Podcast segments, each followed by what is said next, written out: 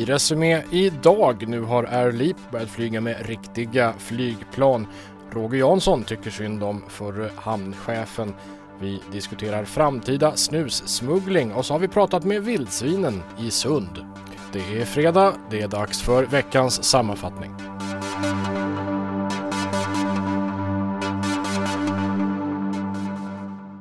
Det är fredag och du lyssnar på Resumé här i Ålands Radio. I tisdags kom så revisorernas dom över handbolagets inköp av chefens sons varor och tjänster. Handbolaget, fantasifullt döpt till Mariehamns hamn, styrdes under åren 2011 till 2014 av hamnchefen Leif Ahlqvist, fast då var det inget aktiebolag utan en enhet under Mariehamns stad.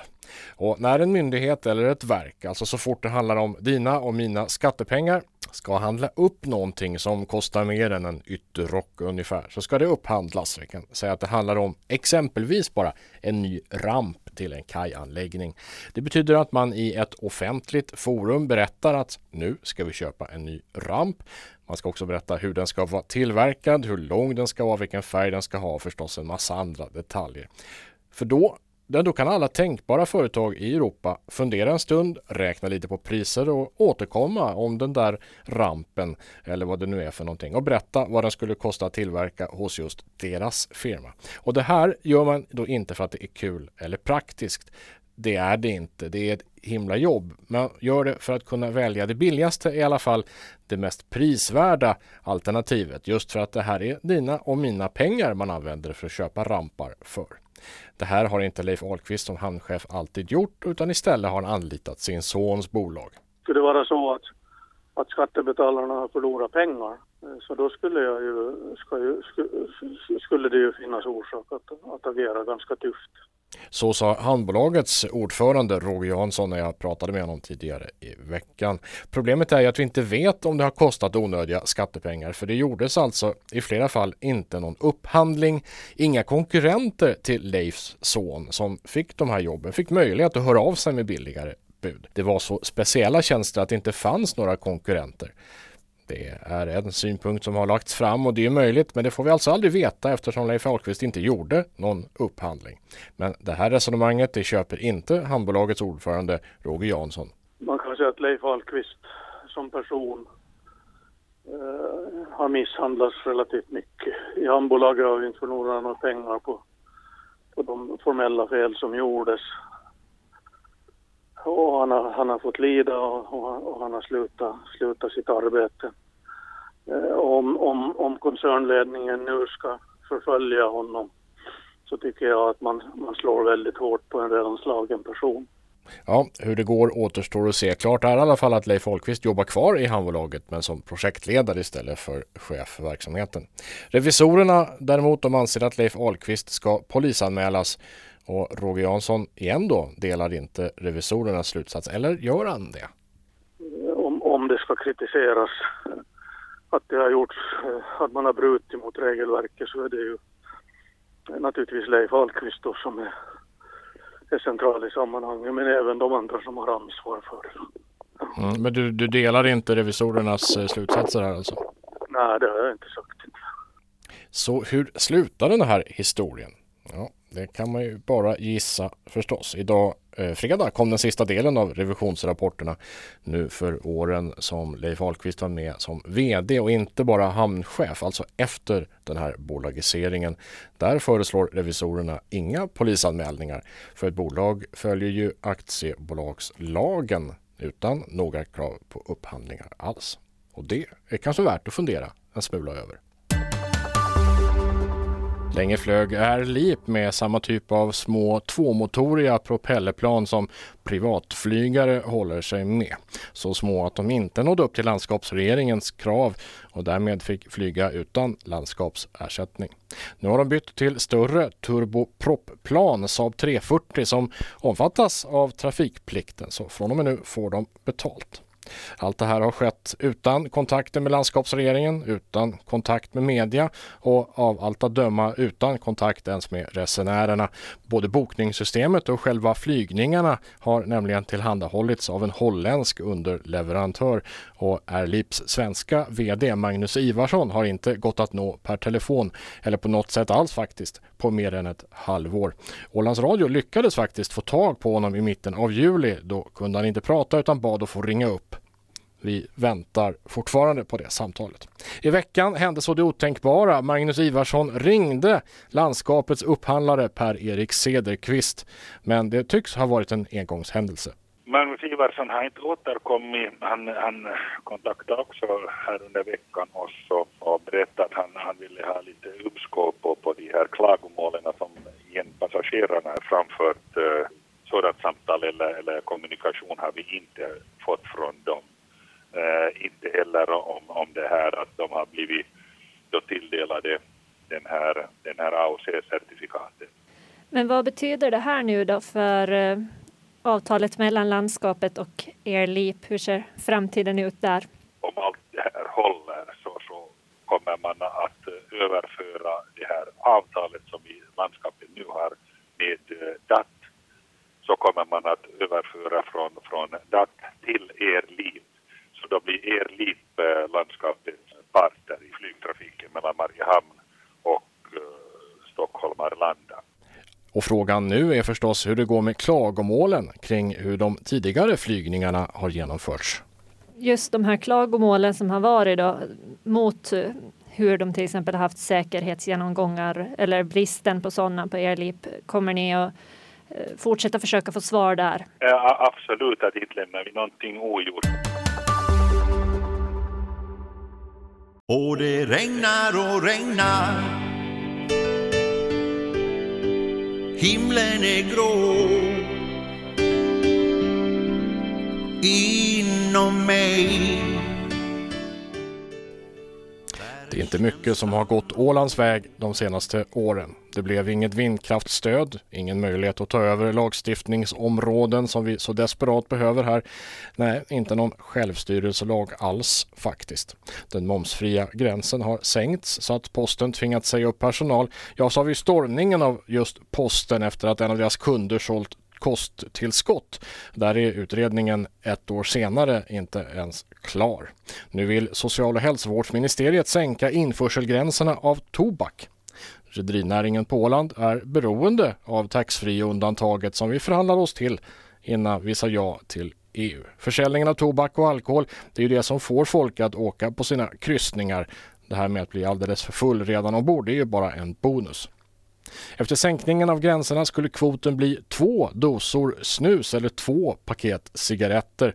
För att stämplas som snussmugglare behövs alltså inte längre koffertar med snusstockar. Smugglare blir du redan med tre dosor på fickan.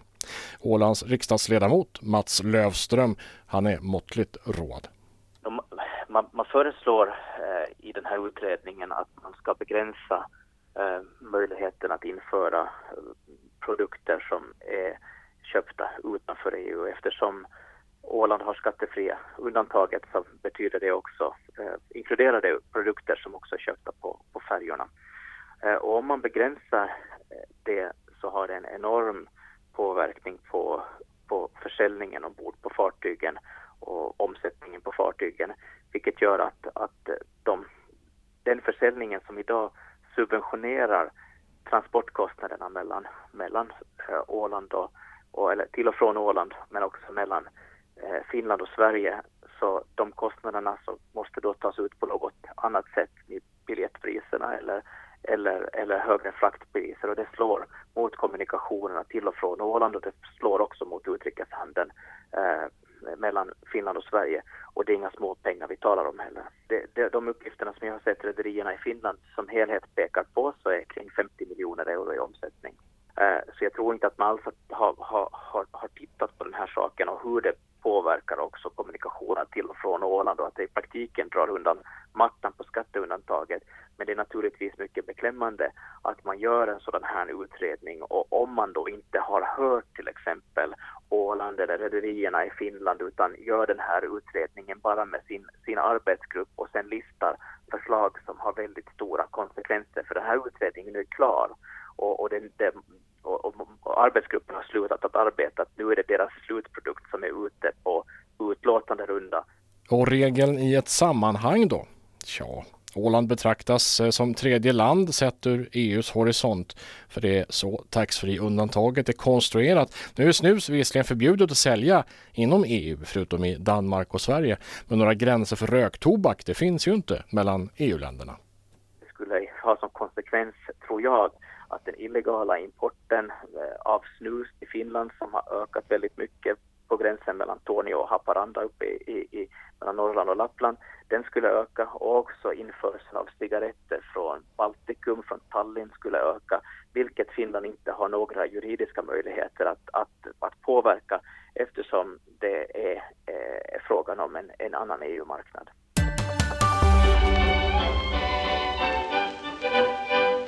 Dansen den går upp på Svinsta skär för klackarna mot hällen Det finns vildsvin på Åland. Det kan både fotografier och trafikolycksoffer intyga. I veckan samlade sig landskapsregeringen och tog det berömda helhetsgreppet över vildsvinssituationen. För här ska de inte vara.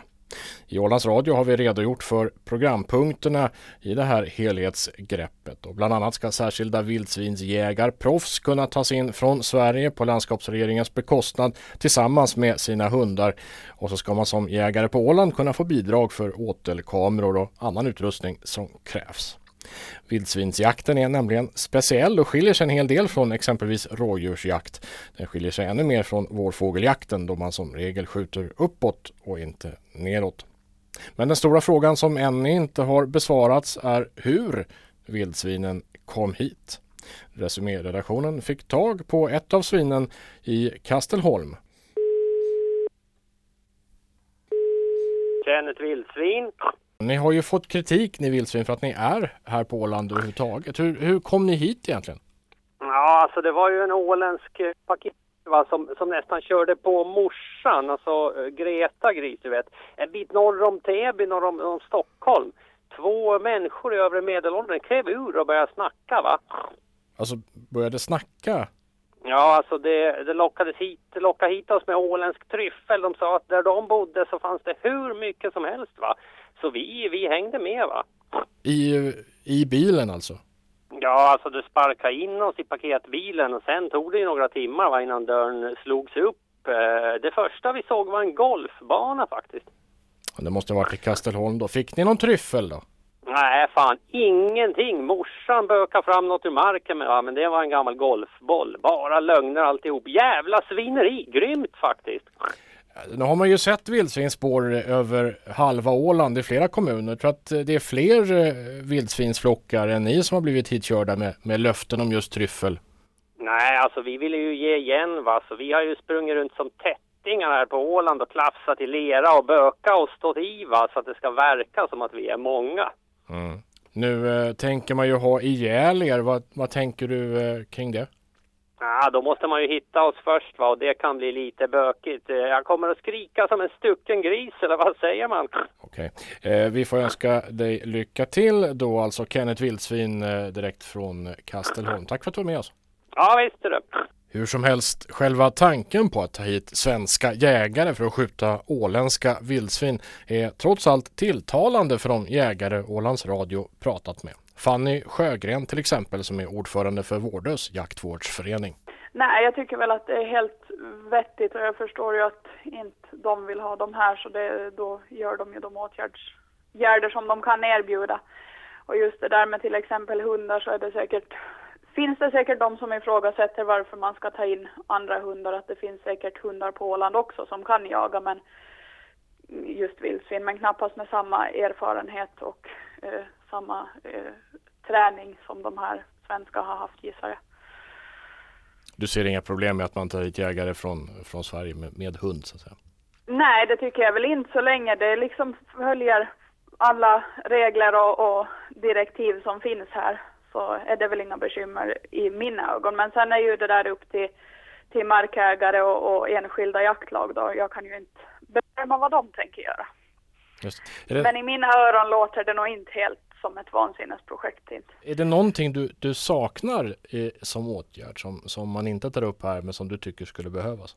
Alltså kanske fundera på varifrån de kommer och det är ju som de skriver i artikeln att är de hit transporterade eller har de kommit hit av sig självt